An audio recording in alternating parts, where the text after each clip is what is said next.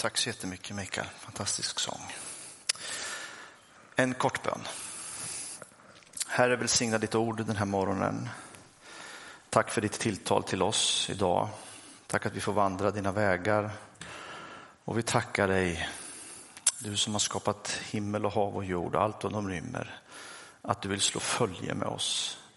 Att du vill gå med oss, att du vill vandra med oss. Och vi får slå följe med dig, Herre. Tack att du lyfter oss upp i dina faders armar. Amen, amen, amen. Har ni noterat att det liksom i själva skapelsens konstruktion, i biologin ligger nedlagt att brist söker fullhet? Att minus söker plus, att det som är tomt söker materia. Det är som att hela tillvaron strävar efter balans. Har ni noterat det? På samma sätt tror jag att det är med oss människor. Jag tror att vi eh, är skapade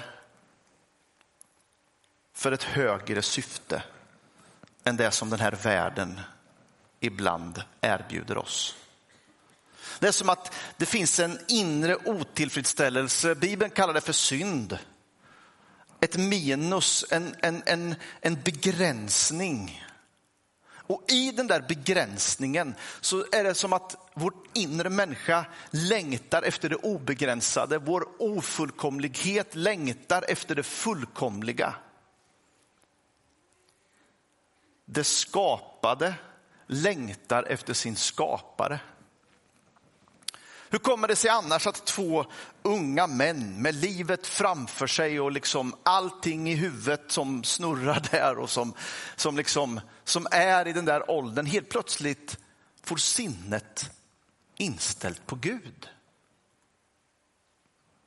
Därför att det finns ilagt i oss en längtan efter det heliga. En längtan efter det fullkomliga. Jag tror att det bara, det bara är så. Och har jag varit pastor så länge så jag, liksom, jag vet att det också funkar så med oss människor. Det är som en inre oro som inte lägger sig förrän vi har fått tag på Gud.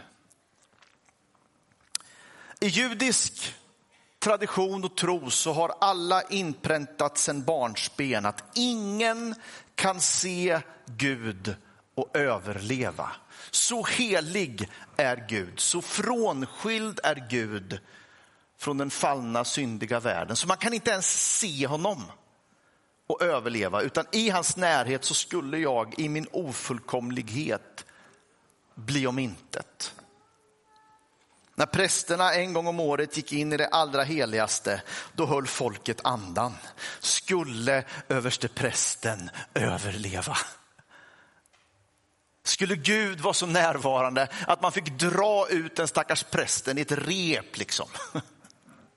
Eller hur skulle det gå i år? Och de kunde berättelsen från andra Mosebok när Mose liksom kräver Guds närvaro i sitt liv för att klara av uppdraget att föra ut Israels barn ut ur Egypten. En fantastiskt vacker kallelseberättelse när Gud vill använda Mose, men Mose känner brist, känner ofullkomlighet, känner att det här kommer inte gå Gud om inte du är med mig. I andra Mosebokens 33 kapitel läser vi Mose sa, låt mig få se din härlighet. Herren svarar, jag ska låta min höghet och prakt gå förbi dig. Jag ska ropa ut namnet Herren inför dig. Jag ska vara nådig mot den jag vill vara nådig mot, barmhärtig mot den jag vill vara barmhärtig mot. Och han fortsatte, mitt ansikte ska du inte få se, ty ingen människa kan se mig och leva. Jag tror inte bara det här ropet ifrån Mose hjärta är liksom ledarens rop. Ni vet när man känner att jag klarar inte det här. Jag tror att det där ropet i grund och botten ekar ifrån varenda människa på den här planeten. Herre, låt mig få se din härlighet. Det skapade som längtar efter sin skapelse. det begränsade som längtar efter det obegränsade, det trasiga som längtar efter det hela. Och i den aronitiska välsignelsen som vi väldigt ofta avslutar våra gudstjänster med, så ligger det en profetisk hälsning till Israels barn.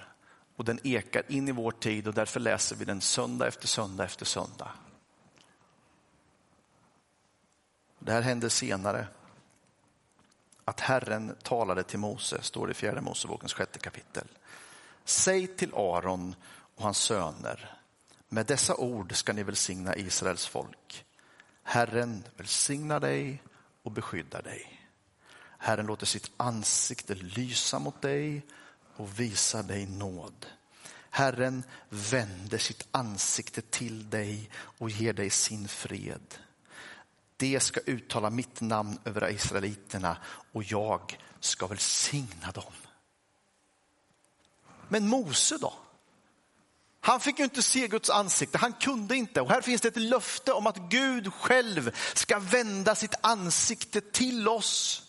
Och han ska inte ge oss död, han ska inte ge oss undergång, han ska ge oss frid. Han ska ge oss ljus. Vilket löfte.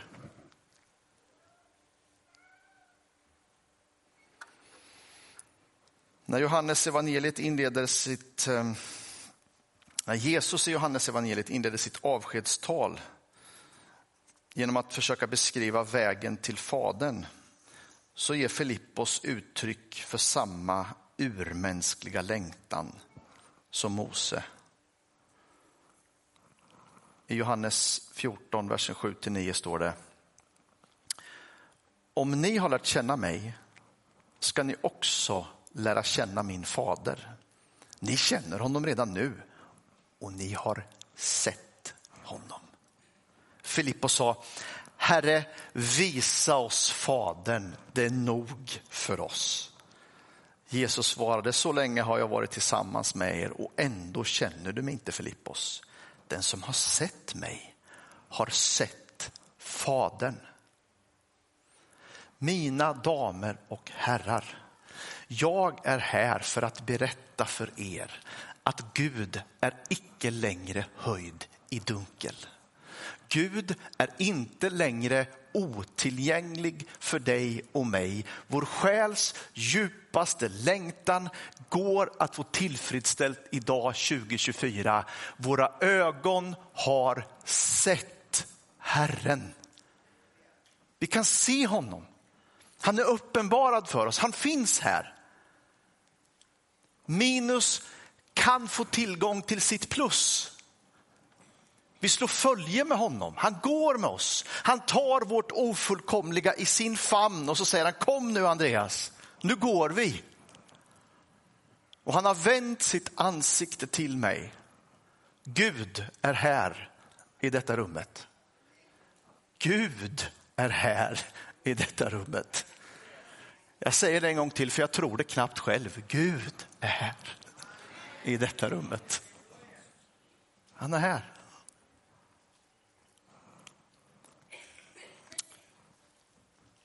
Johannes skriver i sin inledning när han ska försöka hantera detta stora, att Gud blev människa och tog sin boning ibland oss, att Guds eviga ord har iklätts kött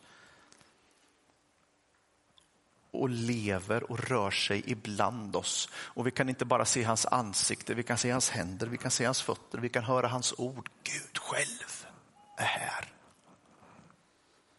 Och så skriver han, av hans fullhet har vi alla fått del, med nåd och åter nåd. Ty lagen gavs genom Mose, men nåden och sanningen har kommit genom Jesus Kristus. Ingen har någonsin sett Gud. Den enda sonen, själv Gud och alltid nära Fadern, han har förklarat honom för oss. I fornkyrkan var detta mysterium ständigt debatterat. Hur är Jesus Gud egentligen? Vi såg ju honom, han gick ju här, han käkade ju med oss. Han, hur kan han vara Gud? När blev han Gud? Är han inte lite mindre Gud än Gud själv? Är verkligen Gud och Jesus av exakt samma väsen? Och så böljade debatten fram och tillbaks. Jesus är nog skapad. Nej, nej, nej, nej, Jesus är evig. Ja, men hur blev han då till i Maria? Jesus blev Gud först vid dopet och han fick anden. Nej, han har alltid varit Gud. Men hur kan en Gud lida och dö? Jo, för att Gud var också människa. Vänta nu, han kan, var han både Gud och människa i samma person? Och du vet, jag är så oändligt tacksam att våra kyrkofäder på 300-400-talet inte hade en skärm. För det krävs lite längre attention span än 15 sekunder för att liksom gräva ner sig i de här frågorna. Och de skrev böcker, de skrev brev och de satte den teologi som vi står på. Att Jesus Kristus är sann människa och sann Gud. Samma väsen som Fadern. Samma natur.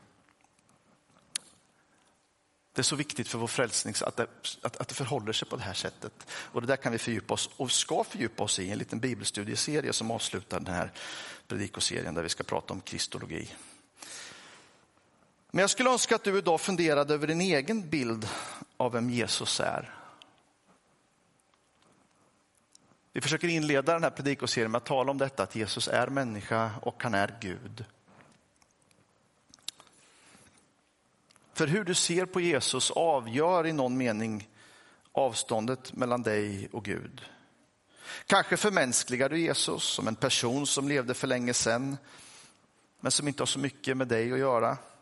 Eller så placerar du honom högt ovan molnen på Guds högra sida, avskild, svåråtkomlig, distanserad, helig och upphöjd, men väldigt lite kontakt med din vardagsverklighet. De här två inledande söndagarna så vill vi försöka få ihop bilden av Jesus som fullt ut människa och fullt ut Gud. För det är när det obegränsade och fullkomliga möter det som är begränsat och ofullkomligt som vi har vår chans att både se och slå följe med Guds härlighet. Du kan i din begränsning få slå följe med Guds härlighet och hans fullkomlighet. Hör du det? Du kan mitt i din begränsning få slå följe med Guds obegränsning. Och du kan få vandra med honom. Så, det där var min eh, inledning, 11 minuter lång. Nu har jag inte bara tre punkter idag, utan jag har fyra.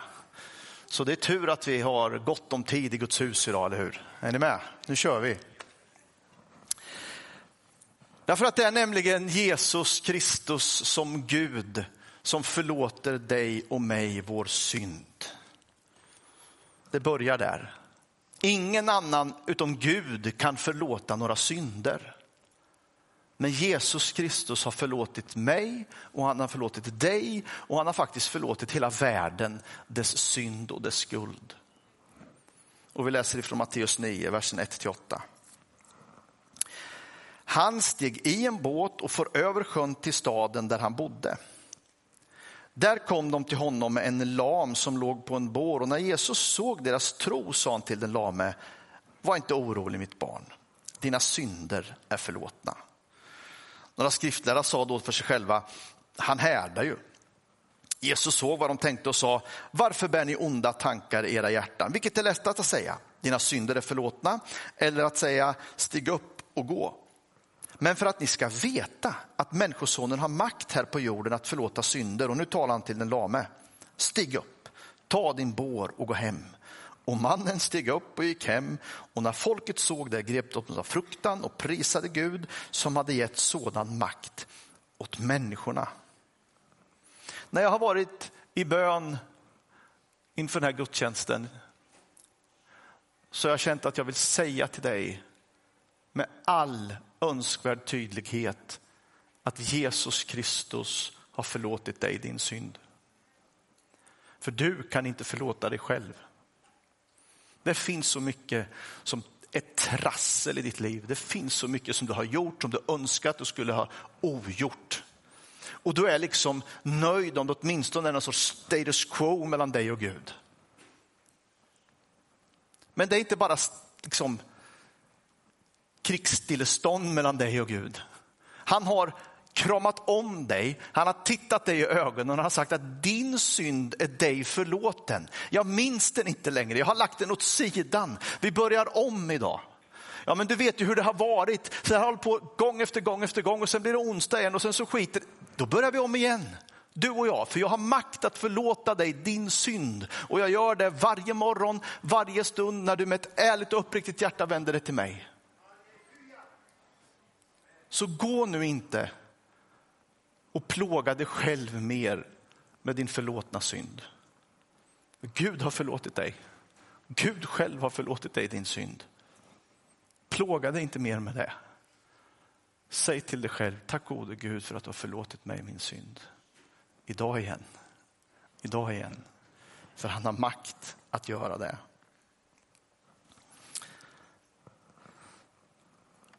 Och det är för att Jesus Kristus är Gud som han kan döpa dig och mig i helig ande.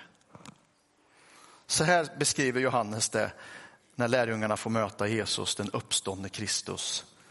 Efter hans död och hans uppståndelse så står det så här i Johannes 20, versen 19-23. På kvällen samma dag, den första veckan, satt lärjungarna bakom reglade dörrar av rädsla för judarna. Då kom Jesus och stod mitt bland dem och sa till dem, frid åt er alla. Sen visade han dem sina händer och sin sida och lärjungarna blev glada när de såg Herren. Men Jesus sa till dem igen, frid åt er alla. Som Fadern har sänt mig sänder jag er. Sedan andades han på dem och sa, ta emot helig ande. Om ni förlåter någon hans synder så är de förlåtna. Om ni binder någon i hans synder så är han bunden. Det Jesus gör på pingstdagen är helt obegripligt. Guds upprättelse på korset, Guds försoning med världen, den liksom överflödar på pingstdagen. Och jag tror och hoppas och ber om en vacker andeutgjutelse över Guds folk. Jag vet inte varför jag fick det uttrycket till mig, men jag hoppas och tror och ber om en vacker andeutgjutelse över Guds folk. Vet, jag är väldigt glad över att tillhöra den karismatiska kyrkan. Jag är stolt över att tillhöra en församlingsrörelse som säger helig ande kom och gör ditt verk. Det är bara att det blir så rörigt ibland. Det blir så stökigt ibland. Och vi skriker så högt ibland och vi beter oss på ett sätt som jag känner, ja.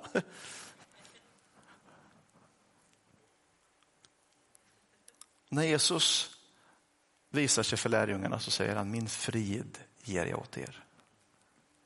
Då säger han det en gång till, min frid ger jag åt er. Jag vet liksom inte riktigt hur jag ska förklara det här, men jag, jag tänker att när Guds helige ande rör sig ibland oss, då är det frid. Det är ordning. Det är någonting vackert. Det är som att Guds nåd överflödar på pingsten och vi bara inser att han har förlåtit mig min synd. Han sänder mig ut i världen. Han ger mig av sina gåvor och jag får bara vara här. Jag får bara vara här. Mina ögon har sett Herren. Våra hjärtan längtar efter mer. För att Jesus Kristus är Gud så kan han döpa dig och mig i helig ande och jag längtar efter en vacker andedopsväckelse. Det gör jag. Och eftersom Jesus Kristus är Gud så helar han och så upprättar han dig. Tillbaks till Johannes versen 1 till 9 i det femte kapitlet. Står det så här. Sedan inföll en av judarnas högtider och Jesus gick upp till Jerusalem. Vid fårdammen i Jerusalem finns ett bad med det hebreiska namnet Betesda. Det har fem pelargångar och i dem låg en mängd sjuka, blinda, lama och lytta. Det fanns en man som har varit sjuk i 38 år. Då såg Jesus honom ligga där och fick veta att han varit sjuk så länge. Då frågade han honom, vill du bli frisk? Den sjuke sa, Herre, jag har ingen som kan hjälpa mig ner i bassängen när vattnet börjar svalla. Medan jag försöker ta mig dit hinner någon annan ner före mig. Och Jesus sa till honom, stig upp, ta din bädd och gå. Och genast blev mannen frisk och tog sin bädd och gick. Jesus Kristus kan hela dig från din sjukdom. Jesus Kristus kan upprätta dig som människa och vara dig nära. Och notera den respekt som Jesus har för den enskilde. Traditionen var sån att man antog att det här vattnet hade helande verkan. Och av någon anledning så det var väl någon sorts rörelse från bergen när det hade kommit något regn eller någonting så började vattnet röra sig och då trodde man att när vattnet rörde sig så var det, gällde det, var först i så blev man frisk. Skulle Gud hela. I 38 år har han legat där. Aldrig hunnit i, ingen som hade hjälpt honom. Och Jesus tar inte för givet att mannens yttersta bekymmer i livet är hans sjukdom. Utan han frågar, vill du bli frisk? Vill du bli frisk? Den lame mannen som vi läste om tidigare, där visade Jesus att hans yttersta problem i livet var inte hans sjukdom, det var hans synd. Och den tar Jesus hand om. Och för att vi ska förstå att han har förlåtit oss vår synd så helar han också våra kroppar. Men nu, kära vänner av pingst och helande och allt sånt där, så när vi pratar om de här sakerna så måste vi ha flera saker i huvudet. För en tag sedan så mötte jag en kollega som berättade om en eh, 85-årig gammal dam i kyrkan där hemma. Som kom till min gode vän, pastor och kollega en söndag förmiddag med tårar i ögonen och så sa hon, min gubbe har fått Alzheimer. Jag märker hur han är på väg in i dimman. Står du med mig i tro för ett helande? sa hon. Står du med mig i tro för ett helande? Ja, tänkte hon. Mannen var 87 år gammal.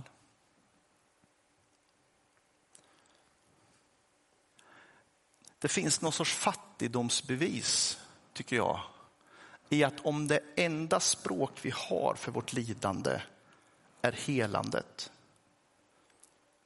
så når vi liksom inte hela vägen fram till problemets verkliga rot. Vi måste också ha ett språk för livet så som det blir för lidandet. Vi måste komma ihåg att vi tillber en Gud som har korsfästs, som har dött, som har sårats, som har plågats. Och livet är ofullkomligt. Livet är per definition begränsat. En dag kommer vi inte finnas mer. Och vi måste ha en teologi som räcker för hela det livet. Vi tror för helande, vi ber för sjuka, vi tänker att Guds rike kan bryta in här och nu. Men om vi bara pratar om det så är det bara halva berättelsen. Den andra halvan, den viktigaste halvan, är att han har förlåtit dig din synd, att han har förberett ett hem för dig i himlen. Och en gång, en dag ska ingen sorg, ingen plåga, inga tårar, ingen sjukdom, ingen död finnas mer. Då är vi hemma hos Jesus. Och det bär oss på det här begränsade, ofullkomliga, svåra jordelivet. Och vi måste hålla båda de här sanningarna i huvudet och i våra kroppar. En sund karismatisk kyrka måste forma en teologi både för helandet och för livet som det blev. För Gud är Gud i båda situationerna. Till sist, och det här känns skönt att få säga faktiskt, men Jesus som Gud ska döma den här världen. Så här står det i Apostlagärningarnas tionde kapitel när Paulus predikar. Och så säger han till sina åhörare. Men Gud uppväckte honom på den tredje dagen och lät honom visa sig, inte för hela folket utan för vittnen som Gud i förväg hade utvalt, nämligen för oss som åt och drack med honom efter hans uppståndelse från de döda. Han gav oss uppdraget att förkunna för folket och vittna om att han är den som Gud har bestämt till att döma levande och döda. Om honom vittnar alla profeterna att han var, en som, var och en som tror på honom får syndernas förlåtelse genom hans namn. När jag läser nyheterna så är jag så oändligt tacksam över att den Gud som jag tillber, den Jesus som jag tror på, en gång ska döma levande och döda. Det är Gud som skipar rättvisa i den här världen.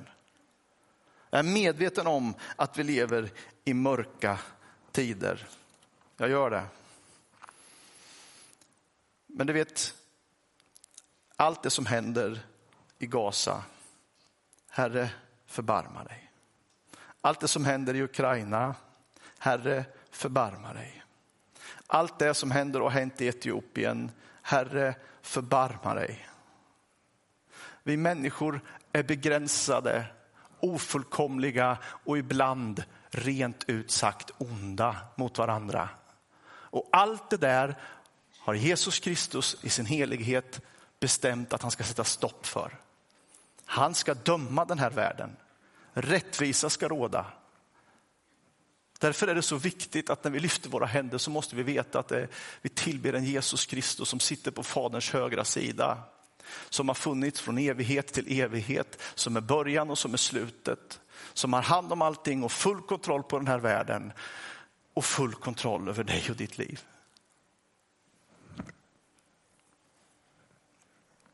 Jesus Kristus ska döma och rättvisa ska skipas. När jag tänker på Jesus och det han gör för mig så känner jag tydligt att det är sån nåd att han omfamnar mitt ofullkomliga. Och så säger han till mig, vill du slå följe med mig och mitt fullkomliga? Helandet sker inifrån och ut, en långsam och vinglande process, men vi går framåt Jesus och jag. Och jag skulle helt kort vilja avsluta med en berättelse från Vedbacken hemma i Värmland där vi är på somrarna. Mina svärföräldrar köpte en gård långt ute i de värmländska skogarna för många år sedan nu, det är väl 30 år sedan. I det här köpet så ingick byns ensling, John Pettersson. Han liksom ingick i gården. För där hade han bott sedan han var liten. Så eh, de köpte gården och så gav de John ensamrätt på besittningsrätt på, på huset och så åkte vi dit på sommarna och snickrade och gjorde i ordning laggården och greja och dona och då var John där. Och han blev på somrarna i alla fall som en i familjen. Nu var John eh, eh en av de där som vars tillvaro var ganska begränsad. Och hans intellekt också. Så var det. Han hade gått sju år i folkskola, absolut. Men han gick ettan varje år. Så var det. Och hans värld var inte så stor och hans bekymmer inte så stora heller. För han hade inte så mycket kunskap om den stora världen.